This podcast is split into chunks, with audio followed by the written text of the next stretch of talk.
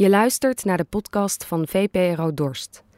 Dorst is het audiovisuele lab van de VPRO waar jonge makers de kans krijgen om te experimenteren en met name veel te maken. De afgelopen maanden organiseerden we een workshop voor jonge podcastmakers, waarin zij elke twee weken een opdracht maakten. En hoewel ze daarvoor weinig de tijd hadden, kwamen er mooie dingen naar boven drijven.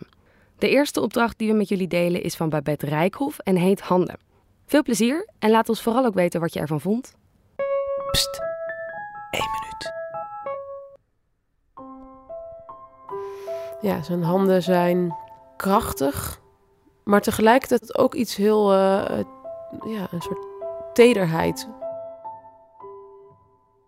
Toen ik voor de eerste keer ongesteld werd, toen uh, wist hij eigenlijk niet zo goed hoe hij moest reageren. Hij zei, ja, gefeliciteerd, gefeliciteerd. Ja, toen dacht ik alleen maar van, ja, goed, bedankt. En die avond, uh, diezelfde avond, kreeg ik zo'n ontzettende kramp in mijn buik. En ik heb de hele avond alleen maar zijn hand vastgehouden en daar zo ontzettend hard in geknepen.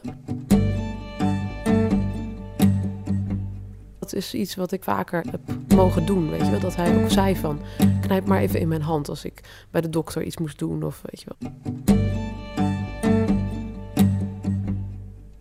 Um, het waren gewoon de perfecte vaderhanden.